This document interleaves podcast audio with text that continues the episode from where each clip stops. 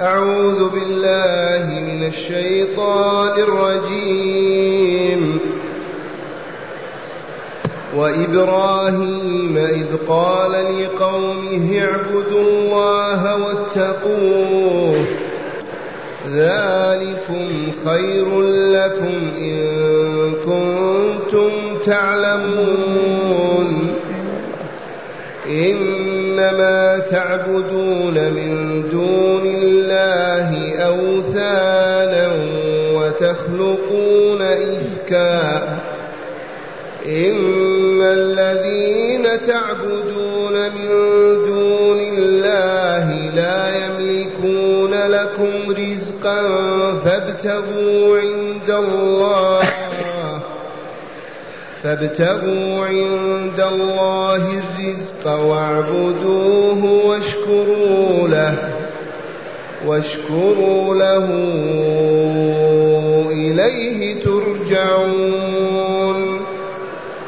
وإن تكذبوا فقد كذب أمم من قبلكم. وما على الرسول إلا البلاغ المبين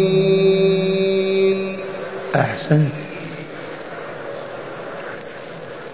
بالأمس كانت الآيات تحمل قصة نوح عليه السلام. من أجل ماذا قص الله هذا؟ من أجل رسوله والمؤمنين ليثبتوا على دعوة الحق. لأنهم يواجهون من المشركين ما لا يطاق ولا يتحمل فيسليهم ويحملهم على الصبر بما يقص عليهم من أحداث وقصص ماضية. والآن قصة إبراهيم. إبراهيم بالعبرية إبراهيم بالفصيح من اللغة العربية أب رحيم إبراهيم أب رحيم والله العظيم. إبراهيم أب رحيم ووصفه ربه وخالقه بالرحمة. إن تعذبهم فإنهم عبادك. وإن تغفر لهم فأنت الغفور الرحيم. إبراهيم أين كان يعيش؟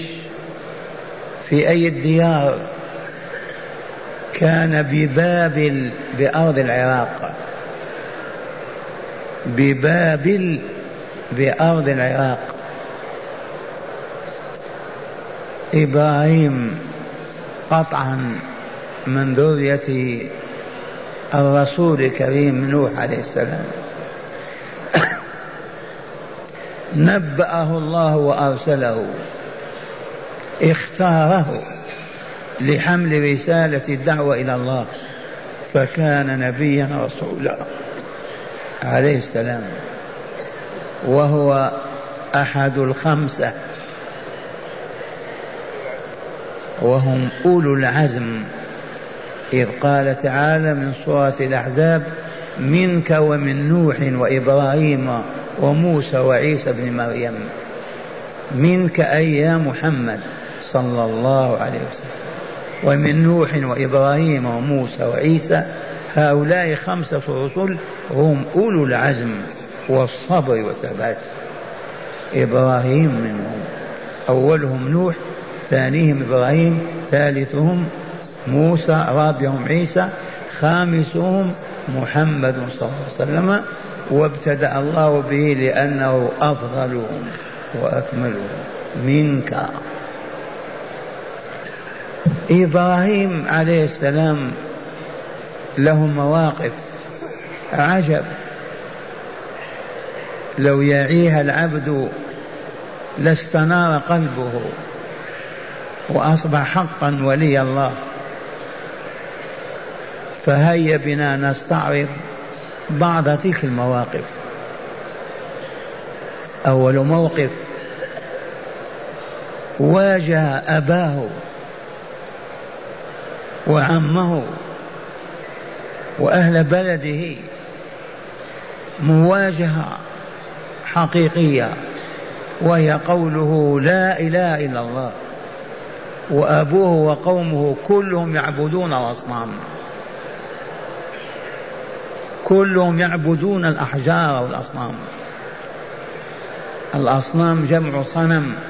ما كان مصنوعا من ذهب أو فضة أو نحاس. والأوثان جمع وثن. ما كان مصنوع من حصبة أو حجارة. يعبدون الأصنام. يواجههم. ومن مواجهته العظيمة أنه في يوم من الأيام أراد أن يمكر بهم ويكيد لآلهتهم. فجاء يوم من أيام الأعياد التي تعرفها البشرية. فخرج أهل البلاد ليقضوا يوم العيد خارج بلادهم ومن عاداتهم الفاسدة أن يضعوا ألوان الحلوى والطعام الجيد بين يدي آلهتهم ليباركوها ثم يعود فيأخذونه مبارك لهم. وهذا هو الجهل. إذا فسألوه تخرج معنا يا إبراهيم. فنظر نظرة في النجوم فقال إني سقيم مريض. أوهمهم أنه يؤمن بالنجوم. وأنها الإله إني سقيم مريض. فتركوه وذهبوا. فما كان منه إلا أن دخل على ذلك البهو الذي فيه الأصنام وفي يده فاس فأخذ يكسرها ويحطمها حتى تركها جذاذا قطعا قطعا. وأخذ الفاس فعلقه في عنق الصنم الأكبر الإله الأكبر. فجاء أهل العيد في المساء يهرعون يجرون ليأخذوا الحلويات والبقلاوة والأطعمة التي وضعه بين يدي آلهتهم لتبارك فوجدوها منثورا. قالوا من فعل هذا بآلهتنا إنه لمن الظالمين؟ قالوا سمعنا فتى يذكرهم يقال له إبراهيم. قالوا فأتوا به على أعين الناس لعلهم يشهدون. وجاءوا به وقالوا أنت فعلت هذا بآلهتنا يا إبراهيم؟ قال بل فعله كبير ماذا يشير إلى يده وأصبعه. فاسألوهم إن كانوا صادقين. إن كانوا ينطقون. التورية قال فلو كبير ماذا. فاسألوهم إن كانوا ينطقون. فرجعوا إلى أنفسهم. فقالوا إنكم أنتم الظالمون. ثم نكسوا على رؤوسهم. ماذا قال؟ لقد علمت أن هؤلاء لا ينطقون.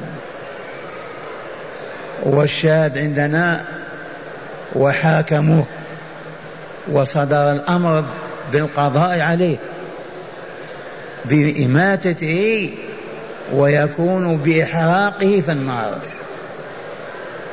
ما يضربونه بالسيف ولا بالعصا يحرقونه بالنار. من قص هذا القصص؟ الله رب السماوات والأرض. منزل القرآن العظيم. اذا وكانوا يتنافسون.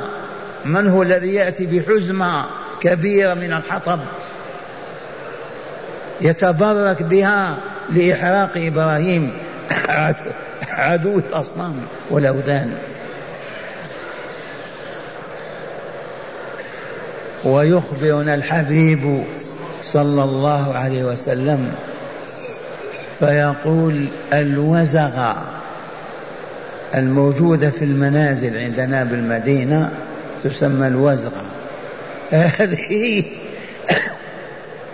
كانت تنفخ النار بفمها لتتأجج حتى تحترق إبراهيم. قولوا آمنا بالله. هذه الوزغة من عثر عليها فليقتلها.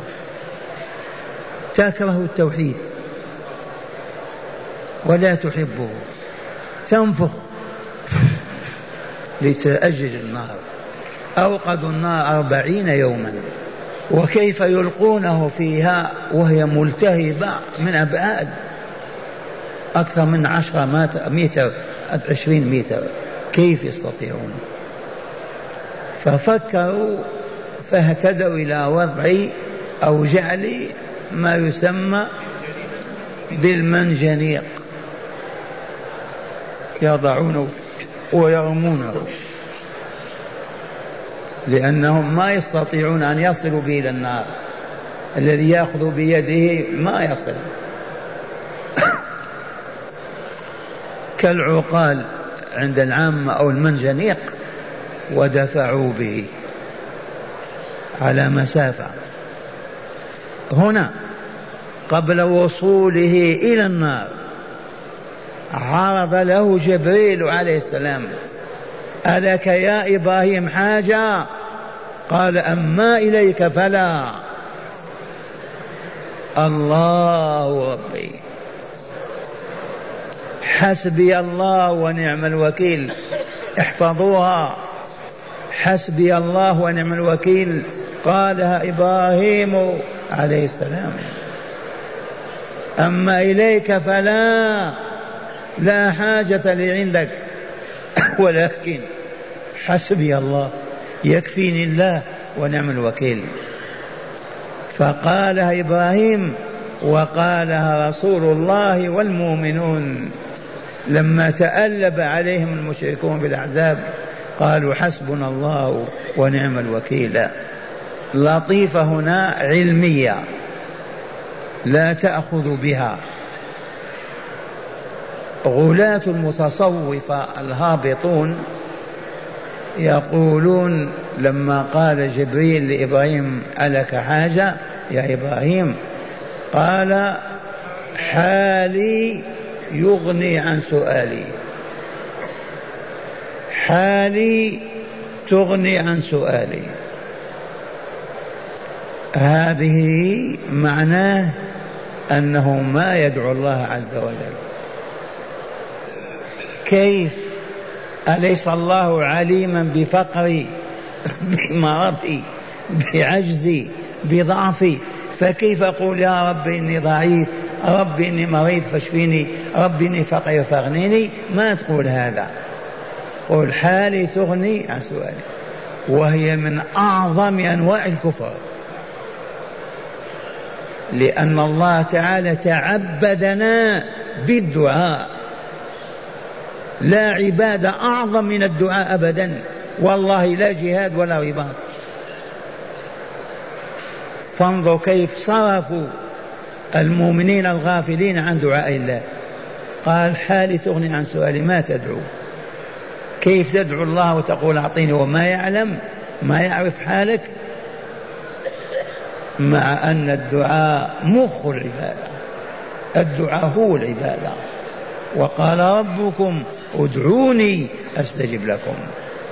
فدعا إبراهيم فدعا نوح. وأزيدكم وضوحا لتعرفوا أن الدعاء هو العبادة. طالعوا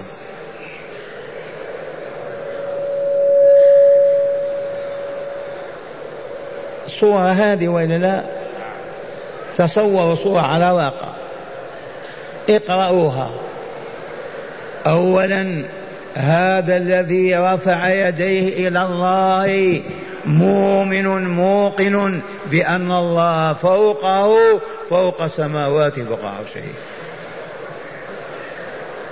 هذا الذي رفع يديه هكذا وهو يا ربي يا ربي موقن بأن الله يسمعه ويرى كفيه موضوعتين بين يديه ثالثا لو علم هذا الذي قال هكذا إلها آخر يعطيه ويقضي حاجة قال هكذا أو قال هكذا لكن هكذا لا يوجد من يعطي ويقضي الحاجة إلا الله. الدعاء هو العبادة. فتأتي هذه الطائفة الملوثة التي هبطت بهذه الأمة ومزقتها يقولون إبراهيم قال حالي تغني عن سؤالي ما نسأل. بمعنى ما تدعو الله إذا دعوتموه شككتم في أنه لا يعلم ولا يقدر ولا يعرف. كفر عظيم لكن في أسلوب علمي ما يشعر به إلا العقلاء. عرفتم هذه اللطيفة؟ أما الخليل أما إبراهيم فقال حسبي الله ونعم الوكيل يكفيني ربي.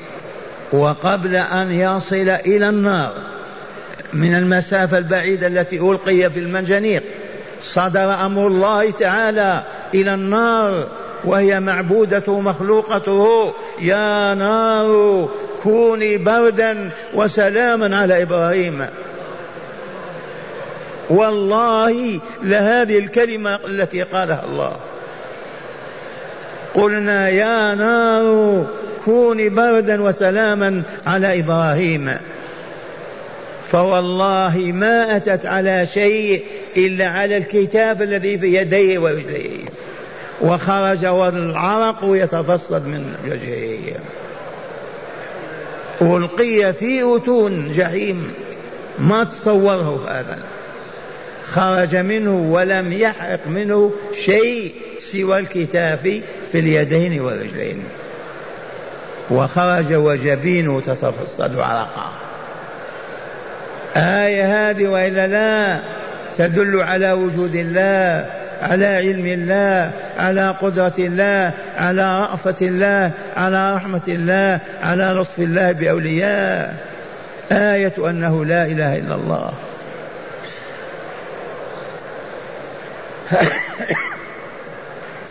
ثم الموقف الثاني من لهم وسئم منهم وجهد وآثر الهجرة على البقاء بينهم. فآثر الهجرة. ما بعد هذا الموقف موقف. ما يستجيبون. فهاجر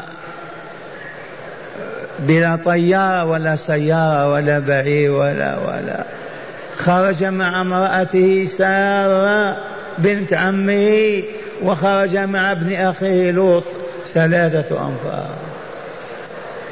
لا دينار ولا درهم. متجهين غربا نحو ديار الشام فلسطين. هذه الهجرة أول من عرف الهجرة إبراهيم. بشر المهاجرين وأعلمهم أن أول من هاجر لله وفي سبيل الله إبراهيم. ترك آله وماله وبلاده وفر بدينه وآمن معه نفران لوط عليه السلام رسول الله إذ أرسله بعد ذلك وصار امرأته بنت عمه مؤمنة. واتجه نحو الشام. ومشى. وانتهى إلى الديار المصرية في يوم من الأيام. وانتهى إلى الديار المصرية بلاد الأقباط. ومعه صار وما إن نظر إليه وإلى زوجته أهل البلاد. حتى تعجبوا من هذا الرجل ومن جمال امرأته. كيف أتى هذا؟ ومن أين أتى؟ من لطائف العلم إبراهيم تفطن وعرف أن هؤلاء الذين رأوا امرأته سينقلون الخبر إلى الملك والسلطان. وسوف يطالبون بإحضار الزوجة. ومن اللطائف أهل المغرب الإسلامي هذا الذي يشي من أجل الفاحشة يسمونه القواد. أو نسوا هذه. القواد يقود وعندنا في المملكة في المدينة يسمى الجرار. هي هي الجرار يجره حتى يوصلوا إلى مكانه والقواد يقوده حتى يصل به إلى المكان. عجائب اللغة العربية. فالجرارون والقوادون ذهبوا إلى السلطان وقالوا إن امرأة ليس لها نظير أبدا ولا تصلح إلا لك. هذه طبيعة البشر. عندما يكون عميانا صم بكم كفار. فقال الخليل إبراهيم يا سارة إذا سألك هذا الطاغي عني لا تقولي زوجي قولي أخي فإنه لا يوجد على هذه الأرض أخ إلا أنا وأنت. وهو كذلك. أخوة الإيمان والإسلام. إذا سألك عني لا تقولي زوجي إذا قالت زوجي قل اقتلوه. ولكن قولي أخي فإنه لا يوجد على أرض هذه البلاد أخ إلا أنا وأنت فقط. أخوة الإيمان والإسلام. وبالفعل أخذوها وأفرشوها إلى سرير إلى جنب السلطان وأخذ يراودها ويتكلم معها. وكان كلما هم أن يضع يده عليها يلمسها يصاب بالشلل الفوري. والله العظيم. تيبس يده. مرة أولى يا فلانة مرة ثانية ثالثة. قال اخرجوها عني. ما أتيتني بآدمية. ما هي إنسانية هذه؟ ذي كرامة الله لأوليائه وإلا لا؟ وما زال يفعل هذا الآن مع أوليائه. يبس أخرجوها وقال سنعوها فألبسوها الحرير وأعطوها المال وأعطاها جارية تخدمها وهي هاجر أم إسماعيل عليه السلام. هاجر أم إسماعيل. خادمة تخدمها. ويحمد الله إبراهيم وزوجه ويشكران الله على آلاء وإنعامه وإفضاله. ويمشيان في تلك الديار ديار الشام فلسطين. ثم تبرعت من التي تبرعت؟ سارة. إذ هي التي أعطيت الجارية فوهبتها لزوجها. خذ يا إبراهيم هذه الجارية لك يعطاؤها كما هي سنة البشر. تبرعت سارة بالجارية التي هي ملك لها أعطت لإبراهيم ليتسرى بها. وشاء الله وتسرى بها وأنجبت إسماعيل. أنجبت إسماعيل. من إسماعيل هذا؟ هذا جد سيد المرسلين. إذا ولكن الغريزة والفطرة في الإنسان قد لا يتحكم فيها المرء فصار كبيرة السن وما أنجبت بلغت ممكن الثمانين سنة وهاجر أنجبت وولدت إسماعيل. إذا فنصحت هاجر لزوجها لسيدها أن يذهب بها بعيدا مع طفلها. لا تتهذى ولا تتألم سارة. لتشاهد طفلا حرمته دهرا من الزمن. وشاء الله أن يهدي إبراهيم إلى الوادي المبارك إلى مكة. فينقل هذا الطفل مع أمه بواسطة ماذا؟ قل ما شئت وجد نفسه في مكة في الوادي الأمين. ما بها نخل ولا شجر ولا أبدا.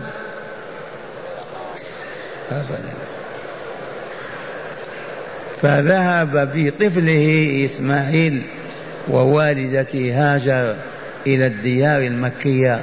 إلى جبال فاران إلى الوادي الأمين. وماذا عند إبراهيم؟ عنده زاد طعام وعنده سقا فيها ماء وتركهما في ذلك الوادي. عند زمزم الآن والله العظيم. وأراد أن يرجع. لأنه مأمور بهذا موحى إليه هذا تدبير ذي العرش جل جلاله وعظم سلطانه. فلما ترك هاجر والطفل وذاك الزاد القليل والماء القليل وانصرف عائدا إلى بلاد الشام. نظرت إليه هاجر وقالت يا إبراهيم آه الله أمرك بهذا؟ عجب هذه المرأة هذه المصرية. آه الله أمرك بهذا. تتركني وطفلي في هذا الوادي. قال نعم. قالت إذا فاذهب فإنه لن يضيعنا. هذه الجملة تساوي الدنيا وما فيها. أمر الله لإبراهيم أن يترك سارة أمته وطفلها في واد ما به أحد. ثم تستفهمه تستفهمه آه الله أمرك. يقول نعم. فتقول إذا فاذهب فإنه لن يضيعنا. من منا يأخذ هذه الجملة؟ ما دام الله أمرك أن تعمل يجب أن تعمل. الله نهاك أن تعمل يجب أن لا تعمل. يا سيد لم تبيع الخمر في دكانك؟ آه الله أمرك بهذا. لا إذا لا تبيع الخمر. يا فلان لم لا تبيع الخمر في دكانك؟ لأن الله نهاني. الله هناك أي نعم نهاني فوالله لن يضيعك. كيف نعبر بهذه الجملة؟ قالت الله أمرك بأن تتركني وطفلي هنا؟ قال نعم إذا قالت لن يضيعنا. فإذا حرم الله علينا الكذب الخناء الدعارة التلصص الإجرام الغيبة النميمة الخبث الشر الفساد. والله لن يضيعنا أبدا. نعيش سبعين سنة والله ما نكذب مرة. ولن نضيع. لن يضيعنا. وانظر كيف ما ضيعهما ماشى إبراهيم. ونفد الماء. يوم ليلة ثلاثة أيام. وإسماعيل يتلوى في الأرض من العطش يسأل عن الماء أمه تلتفت يمين وشمالا ما تجد أحدا. فرأت جبل الصفا قريبا منها فمشت إليه وارتقت فوقه ونظرت يمينا شمالا علها ترى ماء علها ترى من يحمل الماء علها ترى إنسانا. ما رأت هبطت. ذاهبة إلى الماء وجبل أمامها. لما وصلت المادي شم الوادي شم وخبت خببا كما يخب الحجاج. إحياء لذكرى إسماء أم إسماعيل. فلما تجاوزت الوادي مشت عرقت المروة نظرت يمين شمالا ما رأت سبعة أشواط. في السابعة رأت وسمعت وتقول هل من غياث؟ أسمعت أسمعت هل من غياث؟ وإذا بجبريل عليه السلام واقف على رأس الطفل. عرفتم السعي بين الصفا والمروة؟ ما هو سره؟ إحياء لذكرى أم إسماعيل. فعلى الرجل القادر أن أن يخب في بطن الوادي. الآن بين علامتين خضراوين. إذا فلما دنت منه قال برجله هكذا بكعبه ففارت زمزم. والله العظيم. فأخذ فأخذت هاجر تزمها تعرف الزمام ولا لحق البعير والفرس؟ تزمها حتى ما يفيض الماء. خشية أن يضيع. خافت. فقال حفيدها الطيب الطاهر أبو القاسم صلى الله عليه وسلم رحم الله أم إسماعيل لو تركته لكان عينا معينا إلى يوم القيامة. لو ما زمته لكان عينا تسيل إلى يوم القيامة. والله العظيم. والآن أكثر من ستة آلاف سنة. نفد ما زمزم. إذا هذا الموقف لهاجر. هاجر غريبة الدار. توكلت على الله وقالت اذهب فإنه لن يضيعنا. فهل ضيعهما؟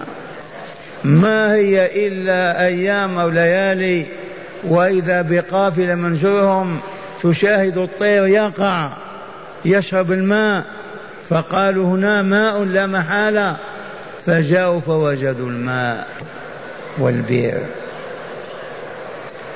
أعطوني من ساسة العالم هل يستطيعون أن يقفوا هذا الموقف؟ اسمعوا. لما نزلت جرهم قريبا من الماء سألوها أم برجالها تسأل عجوز مع طفلها أتسمحين لنا؟ بالبقاء عند مائك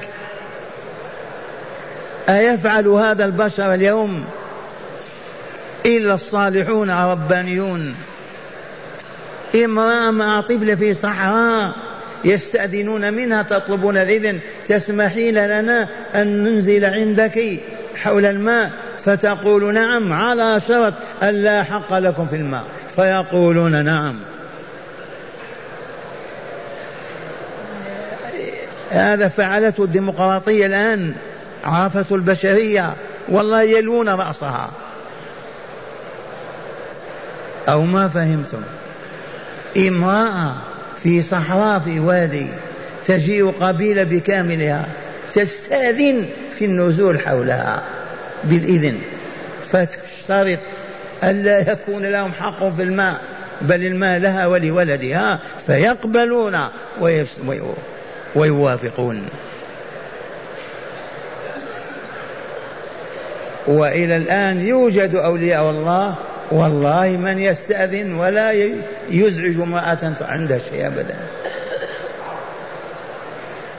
إذا مواقف إبراهيم مواقف إبراهيم وكان يجيء من الوقت لوقت يزور تركته ولده وأمته. فغاب سنين وزار فسأل أين زوجك يا تزوج إسماعيل بما منها من جرهم زوجوه القبيلة التي كانت إلى جنبهم وأوحى الله إليه وأصبح رسوله. إذا زوجوه فخرج يطلب القوت بواسطة الصيد إما أرانب إما غزلان إما طير. فلما جاء إبراهيم سلم على أهل البيت السلام عليكم وعليكم السلام كيف أنتم؟ نحن في عنا في تعب في كذا في كذا أين زوجك؟ قالت خرج يطلب لنا رزق قال لها إذا جاء زوجك أقرئي السلام وقولي له يغير عتبة بابه. قولي له يغير عتبة بابه جاء إسماعيل فتفرس هل من زارنا؟ هل من ضيف نزل عندنا؟ قالت نعم.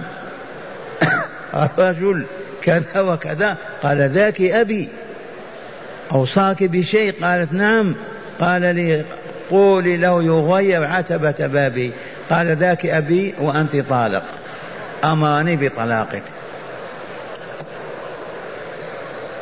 هذه اللطيفة العلمية استفدناها ونقول إذا كان الزوج غير صالح إذا كان الزوج غير صالح ما نزوج ابنتي أبدا ولا يجوز أبدا.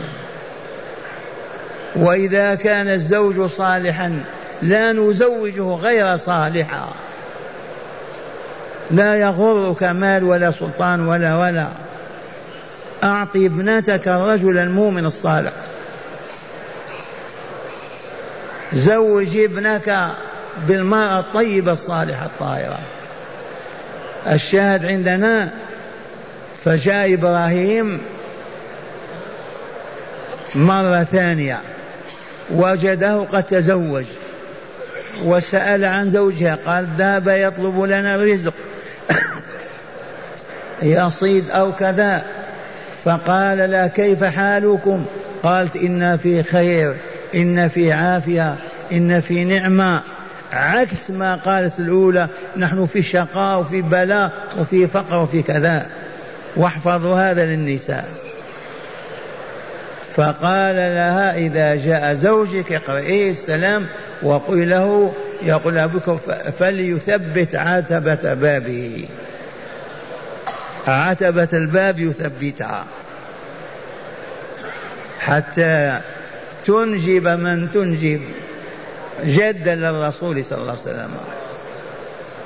والشاهد عندنا في هذه المسألة الفقهية نقول إذا كان والدك رجلا صالحا عالما بصيرا ورأى الزوجة غير صالحة وقال لك طلق زوجتك يجب أن تطلقها. وإذا كان الوالد سفيها لا قيمة له لا وزن عند الله وقال لك طلق هذه المرأة إني أكرهها انظر إذا كانت صالحة لا تستجب لوالدك ولا تطلقها. واعصه. أخذا بسنة إبراهيم مع إسماعيل. فهمتم هذه الفقهية؟ إذا كان الوالد رجلا صالحا مؤمنا تقيا برا وقال لولده طلق هذه المرأة لأنها فاسدة ما تصلح أبدا يجب على الولد أن يطلق. ويطيع زوج أباه ويطلق زوجته. وإن كان الزوج هابطا صاحب حشيشة وباطيل وكره هذه المرأة لأنها صالحة وقال طلقها من يريدها يجب أن لا يطلق امرأته وأن يعصي والده. أخذا بهدي إبراهيم مع إسماعيل.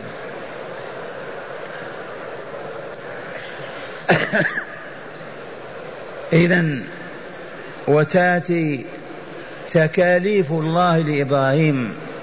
وهو القائل وإذ ابتلى إبراهيم ربه بكلمات فأتمهن. ابتلى من؟ الله. ابتلى من؟ إبراهيم. بما ابتلاه بأوامر بكلمات بمعنى أوامر.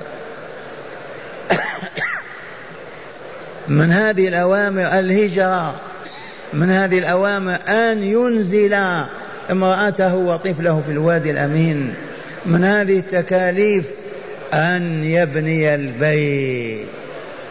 صدر أمر الله على إبراهيم أن يبني له بيتا في مكان الكعبة الآن.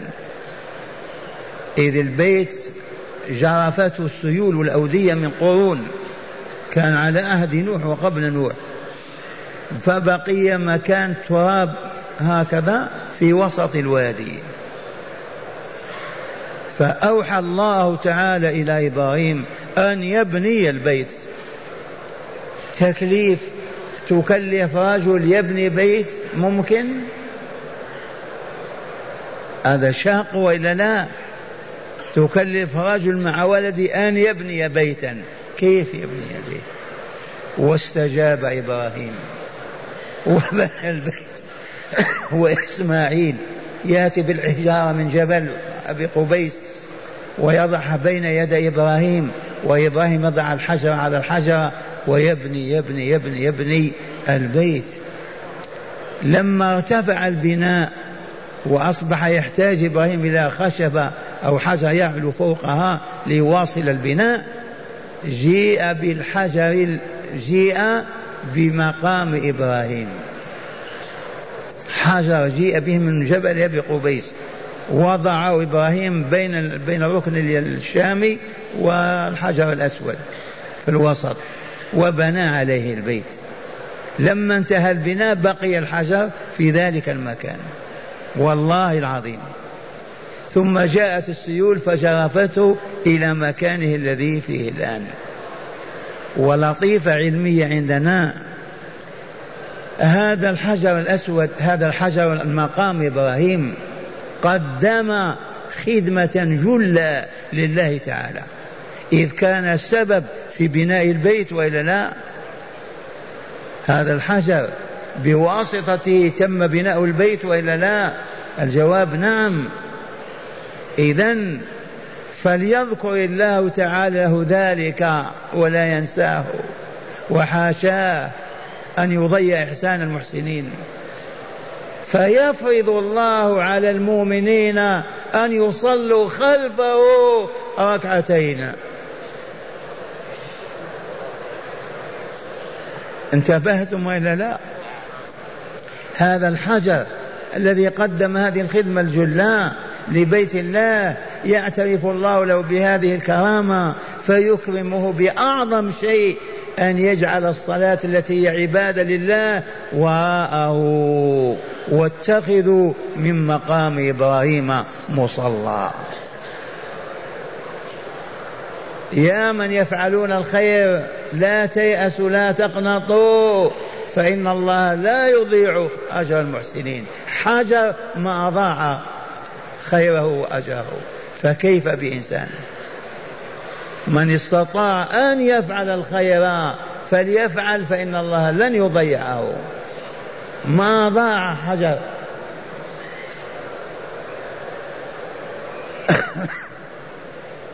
ومن آيات الله أن إبراهيم لما كان يعلو على المقام تسوق رجله قدمه فيه كأنه من الطين ووالله إلى الآن. واتخذوا من مقام إبراهيم مصلى واتخذوا قراءة ثانية قدم إبراهيم ساخت في الحجر لتبقى آية من آيات الله. إلى الآن. وبنى إبراهيم البيت وكان موقفا عظيما. بنى بيتا لله عز وجل. وأمره أن يؤذن في جبل أبي قبيس أن يشهد المسجد وأن يحضر الصلاة في بيت الله البشرية. فقال تعالى له وأذن في الناس بالحج يأتوك رجالا. ونادى وسمعت الأرواح في عالم الأرواح نداءه ما من روح سمعت وأجابت إلا وحجت. الأرواح موجودة قبل إبراهيم وإلا لا مخلوقة الأرواح قبل خلق هذه الأرض ومن فيها. والملك ياتي ينفخ هذا الروح في الرحيم. فمن أجاب النداء حج ومن لم يجب لم يحج.